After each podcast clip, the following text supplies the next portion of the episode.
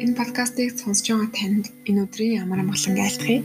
Ингээд Talk to me Medic нэртэй подкастыг таны сонирхол хүрэхэд аль биесээр бэлэн болоод байна. Би юу сонсоод байна? Энэ юуны талаар гарах юм болоо гэж та гайхчихж магадгүй. Тэгэхээр таны энэ асуултанд би хариулт олох зорилгоор товч бөгөөд тодорхой байдлаар подкастаа танилцуулъя. Уг Talk to me Medic нэртэй подкастыг анагаахын 3 дугаар курсын оюутан Юмжир дулам буюу UG болон анагаахын 4 дугаар курсын оюутан их жаргал буюу Энжамины би та бүхэндээ хүргэх болно. Манай подкастын зорилго цаашдын алсын хараа юу вэ гэхээр Ангаах гэдэг энэ том шинжлэх ухааныг судалж байгаа хүмүүсийн хувьд хоёр мэрэгжил нэгт оюутан залуус болон ангаахыг сонирхогчид мөн тэг ангаахын оюутан болон суралцахаар зэхэж байгаа 10 жилийн сурагчдаа зориулаад ер нь ангаахын оюутан гэж ямар хүнийг хэлдэг ангаахын амьдрал гэж юу яваад байна. Манайхаа үеинд ямар одоо мэдлэг чадварууд байх ёстой юм. Цаашлаад ер нь одоо яаж суралцах ёстой юм, юун дээр илүү анхаарах ёстой вэ? Бидний ирээдүйд бусад мэрэгчлээс юугаараа илүү ялгаатай вэ?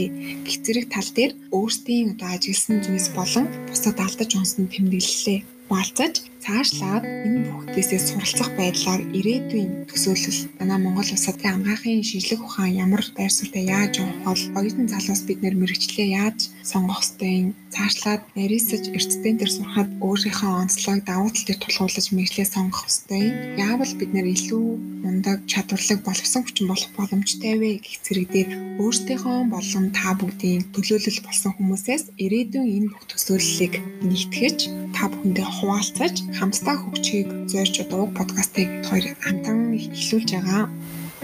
Тиймээс та бидний дэмжиж Talk to me Magic Instagram-уудаас, page-уудаас болон манай подкастэнд subscribe дараад биднийг дэмжээрэй. Мөн цааш нь түгээгээрэй. За манай эхний дугаар маань та бүгдийн постэр дээр харсанчлан аль хангахын их сургуульд орохыг хэмээх сэдвийн хүрээнд ангаах тохиол бэлтгэж байгаа 12 дугаар анги төгсөж байгаа дүүнэртэй зориулж байгаа бөгөөд Монгол улсад ангаахын чиглэлээр үйл ажиллагаа явуулдаг их сургуулиудын онцлог давуу талууд, дээрэс нь эмчилгээний элсэгчдэд ямар ямар шаардлагуудыг тавьж байгаа эсэх хэрэгтэй мэдээллүүдийг хүргэхээр бэлтгэлээ. Тус 6 сургуулаа бит 2 3 3-аар нийлжлэн нэр холно. Тэгээд дугаарын маань төгсгөл хүртэл хад байгаарай дугаарынхаа төгсгөлд хэрэгтэй мэдээлэл авна гэж найдаж байна. За тэгээд эхний сургуулаар хэдүүлээ анагаахын шинжлэх ухааны үндэсний экс буюу ашуусын талаар авч үзье. За биднээсээ мэдхээр ашуус бол Монгол улсын хэмжээнд анагаах ухааны улсын цорын ганц сургуулаа. За тиймдээ чүрэлэх хөхөд ашуусыг маш сайн мэддэг. Эхлээд түүхэн замналыг аваад үзье. Тэгэхээр уг сургууль манайх 1942 онд Бүгд найрамдах Монгол ард улсын сайд нарын тушаалаар Монгол улсын их сургуулийн хүн эмнэлгийн факультет нэрээр анх байгуулагдчихсан. А ингээд цаашлаад энэ хүн эмнэлгийн факультет факультетээс дээд сургууль болж хөгжөөд дээдээсээ их сургууль болоод өнөөдрийн бидний мэдхийн улсын ангаах ухааны уг том сургууль болж сөндөрлөж болсон байна. За цаашлаад ашуусынхаа хэдүүлээ бүтэц бүрэлдэхүүнийг аваад үзэхээр ашуус маань метро 8 бүрэлдэхүүн сургуультай байгаа. За уг 8 бүрэлдэхүүн сургуульд нь ангаах ухааны сургууль, Монгол ангаах ухааны олон улсын сургууль, нүүр ам судлалын сургууль, био ангаахын сургууль, эмзүүийн сургууль, нийгмийн эрүүл мэндийн сургууль, совилгын сургууль, эрдмийн сургууль гэсэн тус 8 сургууль бол хамаарагддаг байгаа. Тэгэхээр уг 8 бүрэлдэхүүн сургуультай ашуус нь чиглэл бүрээрээ маш олон мэрэгчлэр элсэлт авдаг, маш олон боловсон хүчнийг жилийн жилд бэлтгэж гаргадаг байгаа. За мөн цаашлаад ашуусын хувьд бас нэг давуу тал нь юу юм бэ гэхээр орон нутгуудад гурван салбар сургуультай байдаг. Бархан уул аймаг, Дорн говь аймаг, Говьолтой аймаг гэсэн тус гурван аймагт салбар сургуультай байдгаараа нэлээд давуу талтай. Хэдий Улаанбаатар хотод суралцахгүй байсан ч гэсэн энэ гурван аймагтаа та бүхэн суралцаад ашуустаа авч болох бүхий л мэдлэг мэдээллүүдийг туршлагыг боловсролыг авах боломжтой шүү. За цаашлаад тус одоо 8 бүрэлдэхүүн те ямар ямар мэрэгчлэр эсэл таваад байна. Эсэлтээ яаж аваад байна гэдэг гол зүйл рүү хэдүүлээ оръё. Тэгэхээр би та бүхэнд ер нь одоо мэрэгжил бүрийн онцлогийг бас хоорондын зааг илгаануудыг тайлбарлаж өгье гэж бодсон. А гэхдээ хэдэрхийн нуршуу болох магадaltaй учраас би нэг 10 гаруй мэрэгчлийг та бүхэндээ танилцуулахаар бэлдсэн байгаа. Тэгэхээр цаашлаад ч гэсэн бусад ангаахын сургуулиудыг ярихад уг мэрэгчлүүдийг юу хийдгийг хэдэн жил суралцдаг юм бэ гэдэг талаар ерөнхий анхны ойлголт авсан байхад илүү төхөн байх гэж бодоод бэлтгэж байгаамаа. За эхний эхлэлт авдаг мэрэгжил нь бол хүний их хэмж байгаа. Бид нэр маш сайн мэдж байгаа. Өөрөөр хэлбэл 6 жилдээ ерөнхий байдлаар суралцсан. Цаашлаад бид нэр эрсдэн дээр суралцах байдлаар бидний мэдхээр дотрын эмч, хүүхдийн эмч, зүрхний эмч, мистаслын эмч, гэлтэй сэтгцэмж гих мэтлэн байдлаар өөрөлдөл цааш нарийсад сурах боломжтой байдаг ийм мэрэгжил байгаа.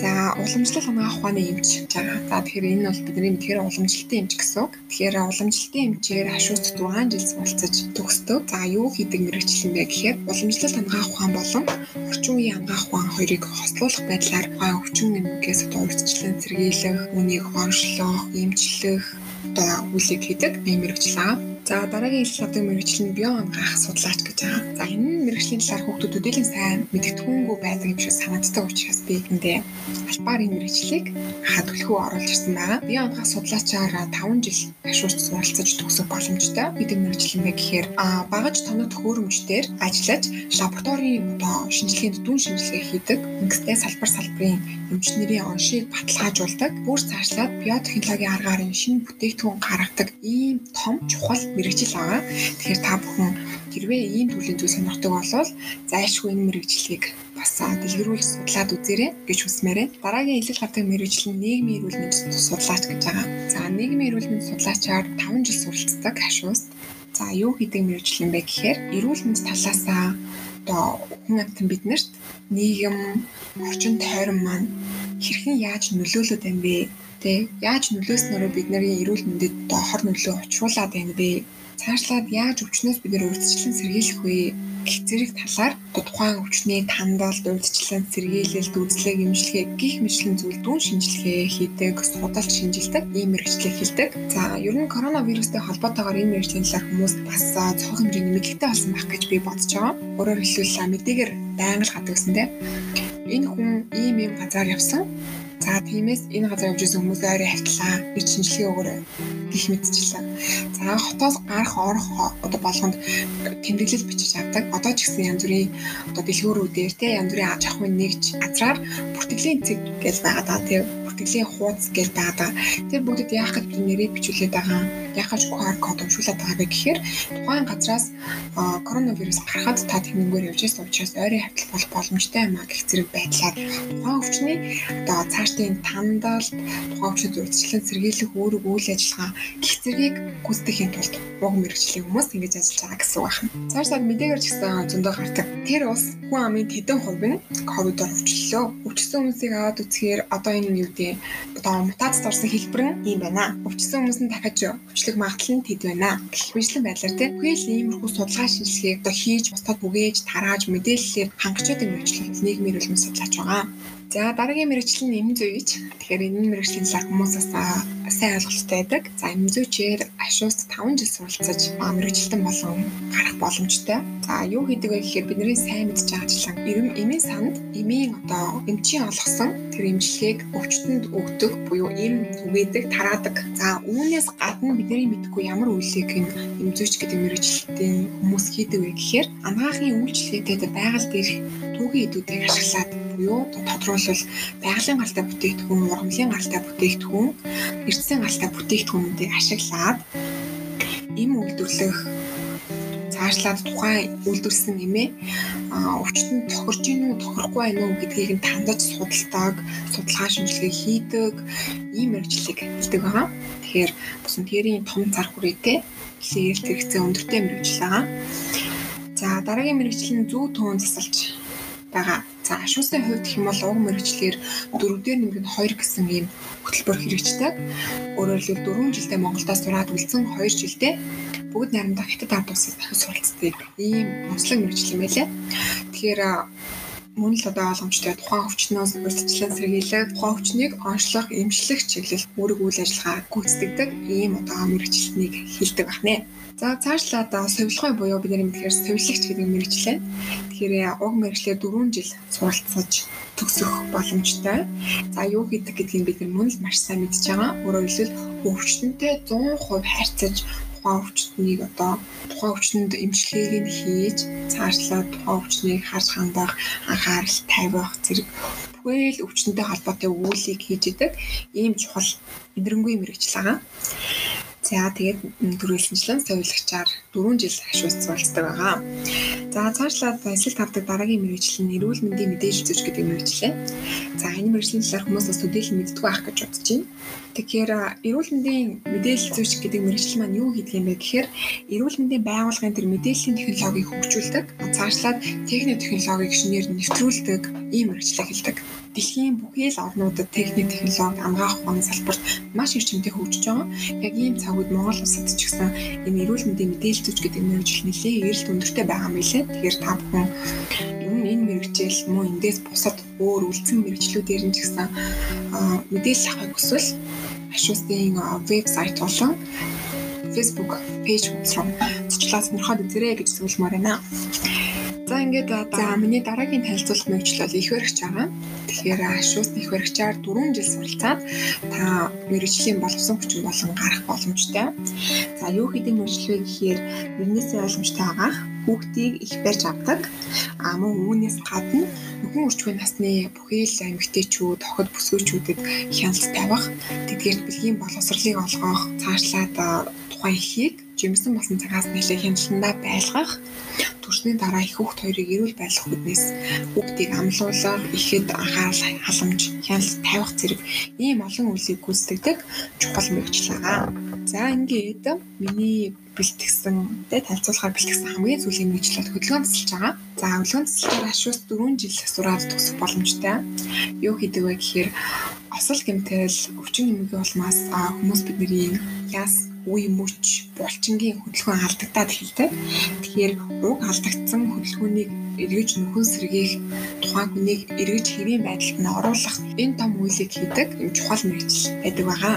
За тэгээд түрүүн хэлсэнчлэн энэ мэдчлэн өшөө олон мэрэгчлэр ашуулт эсэлтэй авдаг. Тэгэхээр би та бүхэнд тэрхийн өшөө байлгах үүднээс энэ хүрээд мэрэгжлийнхаа танилцуулгыг бол өндөрлж байна. Та бүхэн ашуултын вебсайт болон Facebook пэйж руу ороод илүү дэлгэрэнгүй мэдээллийг авах боломжтой байгаа. За цаашлаад уг мэрэгчлүүд болон үүнээс бусад өөр олон мэрэгчлүүдээр ер нь ашуус гэдэг сургууль яаж исэн суралцах боломжтой вэ гэдгээр мэдээлэл өгье. Тэгэхээр ер нь ангаахын бүхэл сургуулиудад маань хим биолог гэсэн хоёр хичээлийн одоо эсэлтэр хөшлөлтийн оног хардаг. За ашуусын хувьд хим 50, биолог 50 гэсэн уг хоёр хичээлээр 50 50 хувьтай эсэлтэр хөшлөлтийн оноог нь харьцуулах байдлаар дундаж оноо гаргаад ингээд хим болон биолог гэдэг энэ хоёр хичээлээр 50 50 хувиар нь өөрөдөө харьцуулж үздэг. За тэгээд энэ хоёр хичээлийнхаа ерөнхий одоо дундаж гарсан оноогоор нь чагсаах байдлаар уйднуудаа эсгэж авдаг байгаа. Ангаахын шинжлэх ухааны үндэсний их сургуулийн хувьд хоёр хэлбэрээр уйднууд эсгэж чадвараа онцлог байдаг. First нь юу гэж байгаа гэхээр Улаанбаатар хотод одоо амьдардаг эсэлтэр шинжилгэлтаа өсөн харьяалагддаг уйднуудын хувьд хэм бол юу вебсайтаар бүртгүүлээд дараагаар нь эсэлтэр шинжилгэлт болсны дараа хүүхдүүд дахин орж өөртөөхөө оноог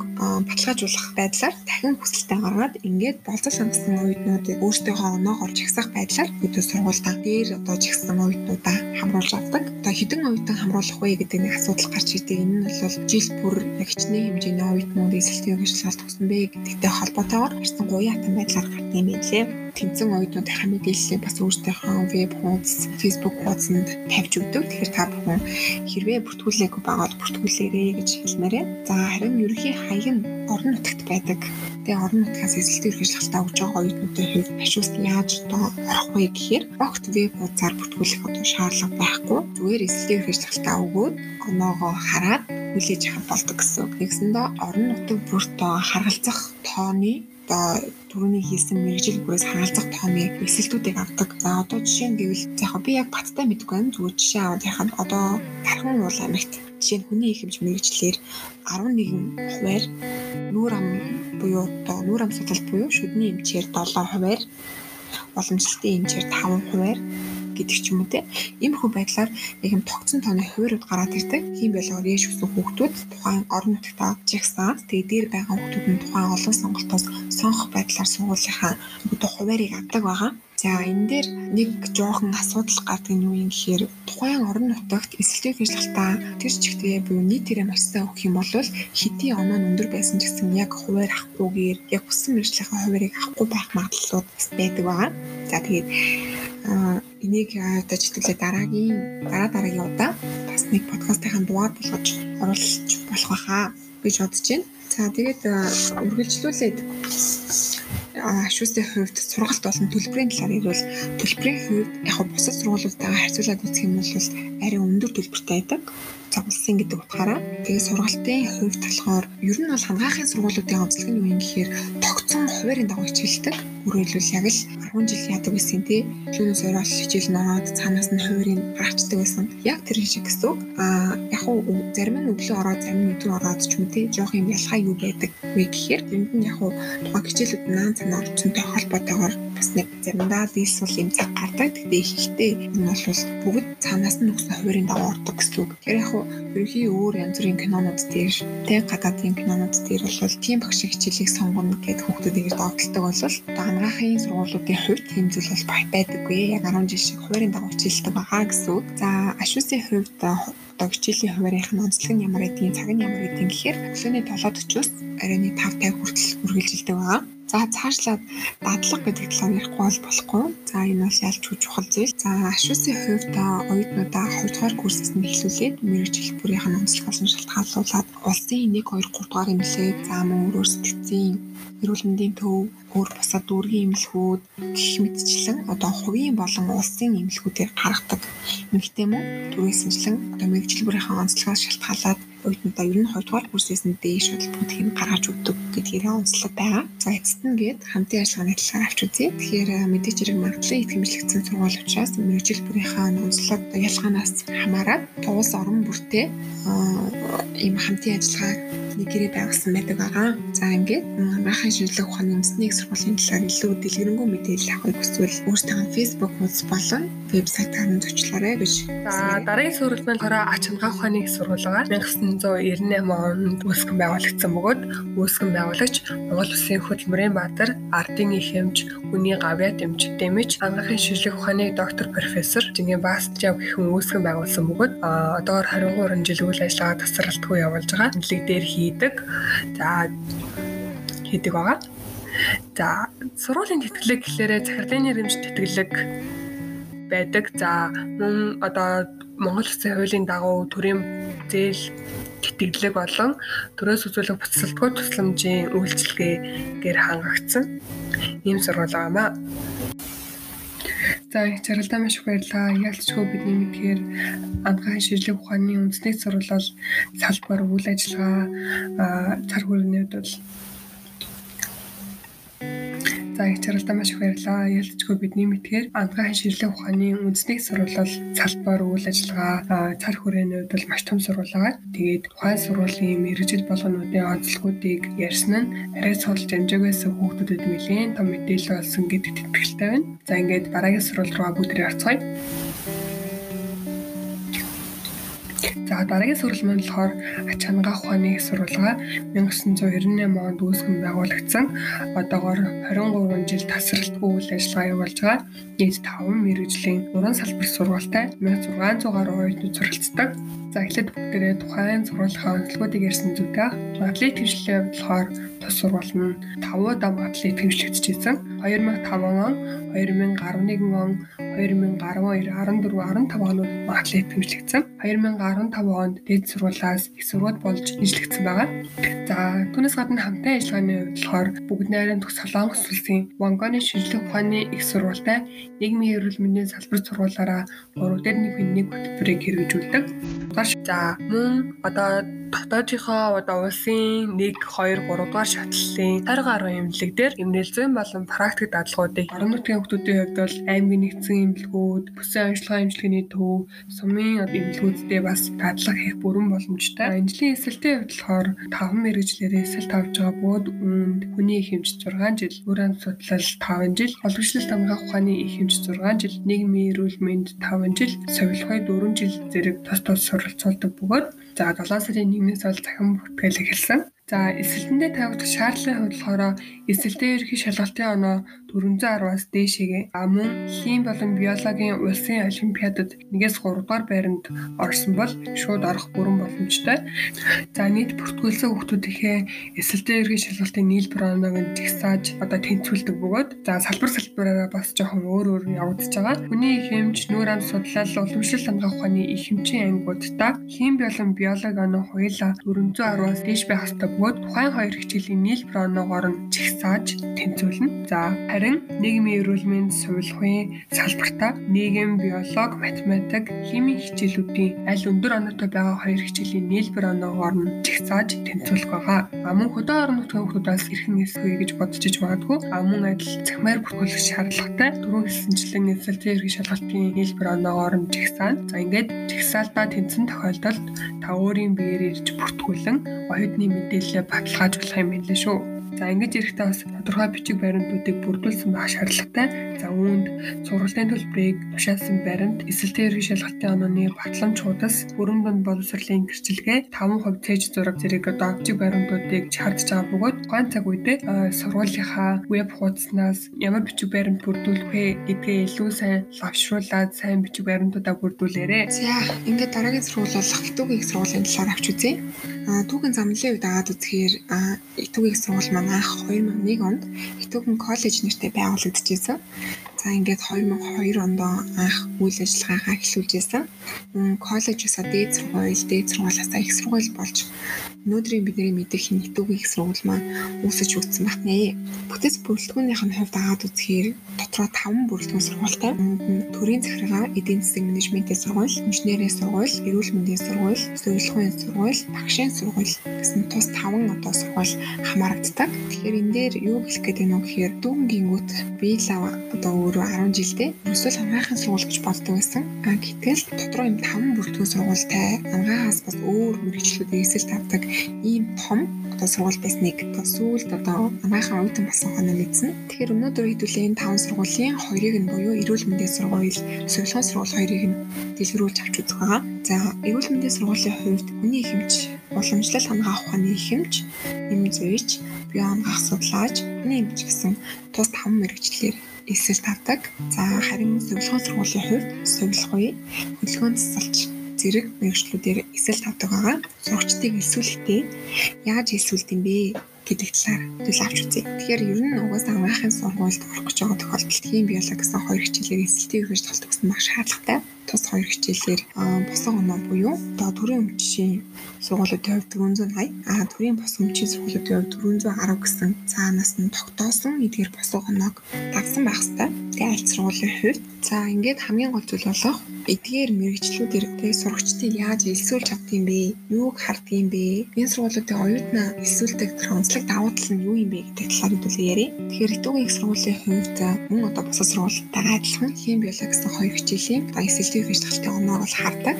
Тэгэхээр тус хоёр хичээлээр зайлшгүй үг шаардлагатай гэсэн үг. За тэгээд хим 50%, биологи 50% гэсэн ийм харьцаатайгаар тухайн хоёр хичээлийн оноог харьцуулаад ингээд нийтдээ энэ хоёр хичээлийн оноо хоёулаа одоо төрийн бус өмчийн сургууль буюу их сургуулийн хувьд 410 гэсэн бос оноос дээш гарсан тохиолдолд оюутнуудыг элсүүлж авдаг. Өөрөөр хэлбэл бусад сургуулиудын хувьд Итүг их сургууль нь уялдан элсүүлэхдээ арай одоо зүйлэн ханддаг гэж ойлгож байна. Эсэлтийн эрхчлэлтаараа босоо оноо буюу 410-аас дээш гарсан мөн тухайн сургуульд одоо сурах эсвэл нэлцтэй оюутнуудад үг талах нээлттэй байдаг гэсэн үг байгаа. За яаж бүртгүүлэх вэ гэхээр онлайн байдлаар бүртгүүлдэг. Өдөө орнотойг хот ерөөсөө хамаардаггүй бүгд онлайнаар. За тэгээд одоо орох юм бол мөн л одоо бусад сургуулиудтай адилхан ерөнхий вебээрээ бүртгүүлэх шаардлагатай. За ингээд яаж басны дараагаар тухайн хүүхдүүд өөрсдийнхөө оноог харах байдлаар дахин сургуульд бодол хүсэлттэй гаргаж ингээд ингээд зохиох болцлуудыг хангасан тохиолдолд тухайн сургуульд суралцах бүрэн боломжтой байдаг аа. За цаашлаад тухайн сургуулийн сургалт болон төлбөрийн талаар ярих юм бол мэдээж төлбөрийн сургууль бүрт өөр байгаа. Веб сайтнаас нь мэдээллүүдийг авсан нь илүү зүйтэй. За ерөнхий сургалтын хувьд гэх юм бол мөн л одоо бохол сургуулиудтай адилхан анхаахын сургууль гэдэг утгаараа тогтсон хуваарийн дагуу хичээлдэг. За энэ сургуулийн хувьд хичээллэх цаг нь одоо сургуулийн бодлуулаараа жоохон онцлог байдаг. Өглөөний 8:30-аас оройн 6-д хүртэл хичээлдгээрээ онцлог байгаа.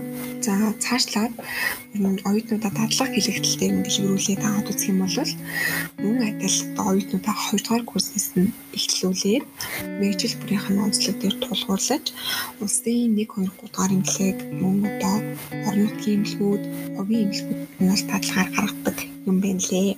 За одоо итүүгийн их сургуулийн хувьд өөрийн гэсэн онцлог байгаад байгаа. Тэгэхээр яг тэр талаар ярихгүй өнгөрөөж үлдээж мэдээж хэрэг болохгүй байна. За ямар онцлогтой вэ гэхээр хичээлийн уран байртай тэр нь мэдээж хэрэг хотын төвдөө байдаг ба техник технологи сайтай, орчин сайтай, оюутан дамаас сайн дэмждэг ийм гоё сургуулаа. За дараагийн нэг онцлог нь хэм бол мэдээж хэрэг оюутнуудын ёс зүй, хөгжүүл, хандлага, төлөвшөл зэрэгт их анхаардаг гэдгээр нэлийн онцлог. За өөрөөр хэлбэл магадгүй та бүхэн сая бүгд сонсч байсан бах тий. Сургуультай жижүүр хийдэг. Одоо 10 жилд анги болгон нэг жилдээ нэг ганц хоёр удаа жижүүр анги хийдэгтэй яг адилхан гэсэн үг. Баятуугийн их сургуулийн анги бүр нэг ангийн жилдээ 4-5 удаа жижүүр хийдэг.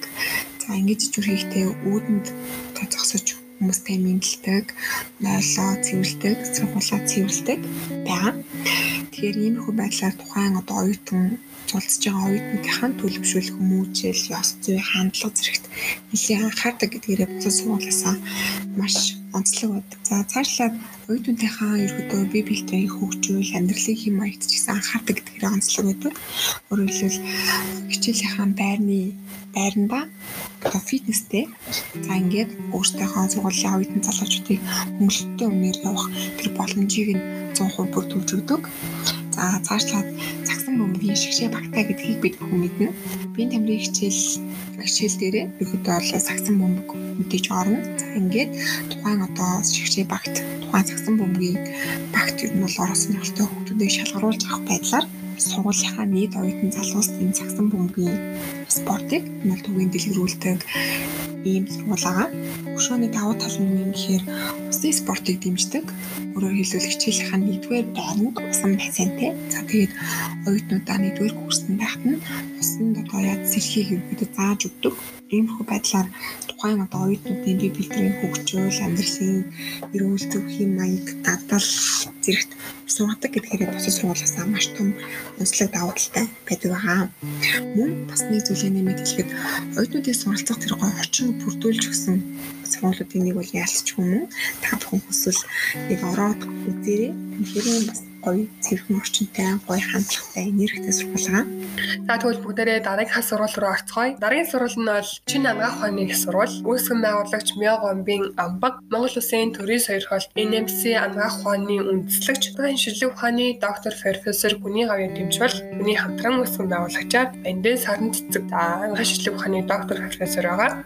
За тус сургууль нь инжлэгийн эсэл дээрээ хүний хэмж, уламжлалт ангаах ухааны их хэмж, эмзүүч, совилгой болон шим тэжээс судлал эмчилгээний хоолны ангиудаа эсэлт авж байгаа. Тус сургуулийн хамтын ажиллагаа онцлогийн хувьд хулж борьжхон нэмлэг саран уур хязгаарлагдмал хавцанд компаниуд дээр оюутнуудынхаа эмнэл зүйн болон практик дадлгуудаа хийлгдэг. За түүнээс гадна судалгааны ажлуудаа хийх боломжтой.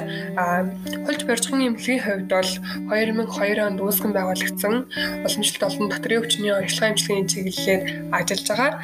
Саран уур хязгаарлагдмал хавцад компани компани нь болохоор энэ эмийн үйлдвэр ургамлын болон химийн гаралтай эмийн бүтээгдэхүүний үйлдвэрийн чиглэлээр ажилладаг. А одоо бидний мэдих одоо салимон цэгийг үйлдвэрлэдэг гэсэн. Түүнээс гадна сургууль дотроо хоёр томоохон тэтгэлэг зарлагддаг бөгөөд оюутны нэрмж тэтгэлэг нь хоёр улирал дараалан эйдэнтэй суралцсан тохиолдолд авах боломжтой. За үнэрэг дандарын нэрмж стипенд нь болохоор 6 улирал дараалан эйдэнтэй суралцсан тохиолдолд тус тэтгэлгийг авах боломжтой. За түүнээс гадна нөгөө одоо ямар нэг шалгалтын дээрээ F үнэлгээ аваагүй байх болцлыг бас шаардж байгаа юм билээ. За тэгээд хамтын ажиллагаа болон тэтгэлгийн хувьд ийм онцлогтой сургууль байна. За Ингээд үргэлжлээд Монс эмзэн ширлэг ухааны их сургуулийн талаар хэдүүлээ авч үзье. Тэгэхээр уг сургуулийн хувьд босоо нэрнээс ил ойлгомжтой байх те илүү эмзэн тал руугаа эмийн үйлдвэрлэл эм гэдэг тал руугаа илүү одоо нарийсаж явдаг ийм сургууль байгаа. Өөрөөр хэлбэл Монс группийн нэрэн дор анх 2000 онд бол Монс коллеж нэртэй байгуулагдчихсан. За ингээд мөн л адил коллеж бас дээд сургууль, дээд сургууль их сургууль болж хөгжиж өнөөгийн бидний мэдэх юм Монс эмзэн ширлэг ухааны их сургууль бол басан байгаа. Тэц бүрэлдэхүүний хувьд аваад үзэх юм бол ер нь бол яг Монс группийн нэрэн дор өөрө байгуулагдсан гэдэг утгаараа Монс группийн өөрө бүтэц бүрэлдэхүүн сургууль байдаг. За тэгээ энэ сургуулийн нэг том онцлог нь өөрөө юу юм гэхээр сургаалт эрдэм шинжилгээ, үйлдвэрлэл гурвыг хослуулсан гэдгээр маш том давуу талтай бусад сургуулиасан.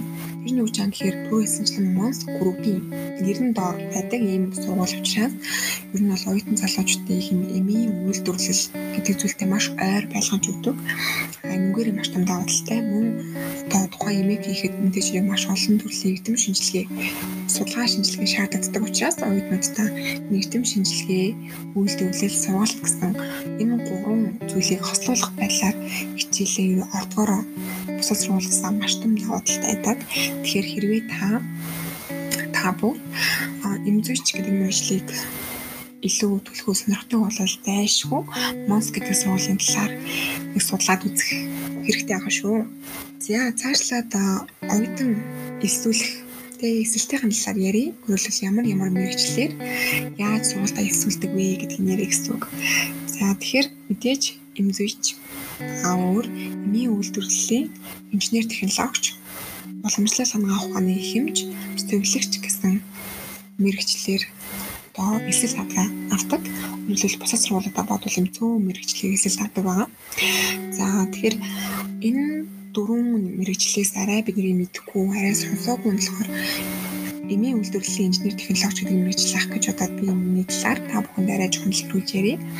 Тэгэхээр эмийн үйлдвэрлэлийн инженер технологич гэдэг мэрэгжил нь яадаг юм бэ гэхээр мос эмзэг шинжилгээ ухааны их сургуулийн хувьд 3.2 гэсэн хөтөлбөрөөр явагддаг. Өөрөөр хэлбэл 3 жилдээ Монголдо сураад 2 жилдээ бүгд найрамдах Солонгос ард улстай улсад бол суралцдаг байгаа.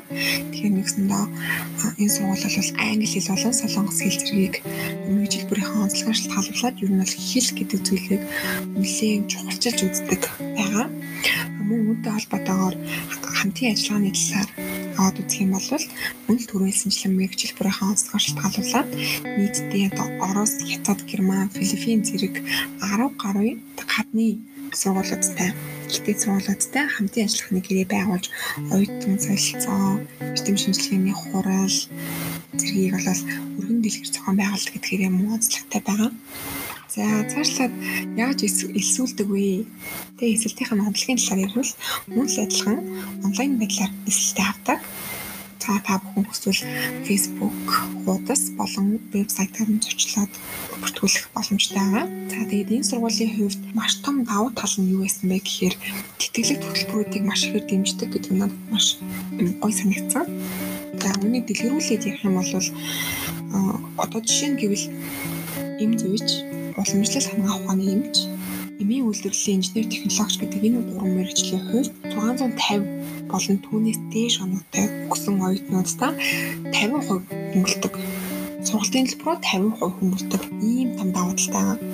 Тэгээд совилогч гэдэг мэргэжлээс бол элсэн суралцахыг хүсэж байгаа оюутнуудаа эсэлтийн хэрэгжлэлтийн оноо 580 болон түүнээс дээш байвал сургалтын төлбөрийг нь 50-аас 100% хөнгөлж өгдөг байгаа.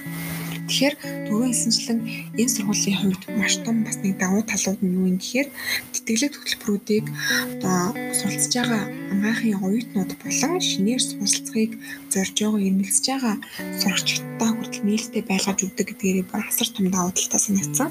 Тэгэхээр та бүхэн онс эмзэг шинжилгээ ухааны сургуулийг бас нэг сонирхоод судлаад үзээрэй гэж зөвлөмөрөө. За Монс эмзэг шинжилгээ ухааны сургуулийн дараагийн нэг онцлог бол яалтчгүй ажлын байрны хангалт байдаг. За тэгэхээр Монс группийн нэрэн дор байгуулагдсан сургууль тэг бүрэлдэхүүн сургууль гэдэг утгаараа Монс группийнхан тухайн сургуулиас ажилчдыгаа одоо авдаг өөрөлдмөл ажлын байраар хангаж өгдөг байгаа. Тэгэхээр та эмэн зүйч, эмийн үйлдвэрлэлийн инженер технологич уламжлал хамгаах ухааны эмч, совилогч гэсэн тус дөрвөн мэрэгчлэр МОС эмзүү шинжилгээ ухааны их сургуульд болцвол цааш МОС группт ажилд орохын магадлал нь маш их байдаг. Оюутнуудаа маш ихээр ажлын байр хангадаг гэдгээрээ бас нэгэн онцлог давуу тал нь болж ирнэ. За мөн нэг баяртай мэдээ дуулахад МОНС хотч нэртэй эмнэлгийг барих ажил явагдаж байгаа мөлий. Ажлын байрны хангалт одоо байгаагаас илүү их болно гэдэг нь бол тодорхой байгаа гэж ойлгож байна. За дараагийн сурвалж нь Хотч Панорам их сурвалга 1991 онд өгсөн байгуулагдсан бөгөөд мамт татсан хэд, мамт татсан эмнэлэг, мамт татсан эмийн үйлдвэр, шинжээч утас лаборатори гэсэн таван салбартаа үйл ажиллагаагаа явуулж байгаа. Бусад сургуулиас ангаахын сургуулиас онцлог нь гэх юм бол буддын гүн ухаан судлаач гэх мэрэгчлэр эзэлт авдаг бөгөөд тухайн мэрэгжлийн 4 жил суралцсан. Түүнээс гадна одоо эсэл дээр уламжлалт хамгаах ухааны хүний хэмж, уламжлалт хамгаах ухааны совилогч, эмзөөч а мөн төгслийн дараах магистрал нь докторийн сургалтуудыг явуулдаг.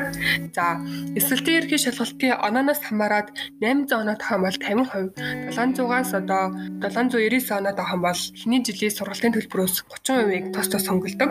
Монгол Улсын хуулийн дагуу төрийн сангийн зээл, тэтгэлэг, төрөөс үзүүлэх бүсэлгөө тусламжийн тэгэхээр бүрэн хангагдсан. А дөрвөн удаа магадлалыг тэмцлэгдсэн бөгөөд 2000 он, 2016, 2018 оноод багт ишлэгдсэн байна. За түүнээс гадна бид нар хэдий хүний хэмж, уламжлалт хамгаах ухааны хэмж, нүүр ам судлал, совилгоё гэж салбаруудыг сонгож байгаа ч гэсэндээ та ирээдүйд яг ямар чиглэлээр сурмаар байна, яг юуны хэмж болмоор байна гэдэг зорилгоо дахиж нэг сүхэн хараа гэрээ хинтэйгээ сайн ярилцсны үр дүнд салбараа зөв сонгорой гэж би хэлмээр байна. Тэгээд одоо жишээлх юм бол хүний хэмжээ ангид байгаа оюутнууд 6 жилийн дараа төгсөөд нарийн мэрэгчлэр нүд эмгтээчүүд, дотор мэс засал, яралтай төрийн засламж, эсвэл эмгэг судлаач гэдэг ч юм уу те маш олон салбарлаж болдог. Мөн уламжлалтын салбарын оюутнууд болохоор зүг төөн, хануур, а нүүр ам судлалын оюутнууд нүүр амны гажиг засал гэдэг ч юм уу те совилгын салбарын оюутнууд болохоор мэдээгүй зүйлэл мис засал гэдэг нэр цаашаа нарийн мэрэгчлэр маш олон чиглэлээр сурах боломжтой учраас яг өөрийнхөө хүсэж байгаа мэрэгжлийн салбарт ороорой гэж зөвлөе. Ер нь маш олон хүүхдүүд сургуулаа буруу сонгосноос болоод эсвэл салбараа буруу сонгосноос болоод маш олон хүн хүнд асуудлууд гарч ирдэг.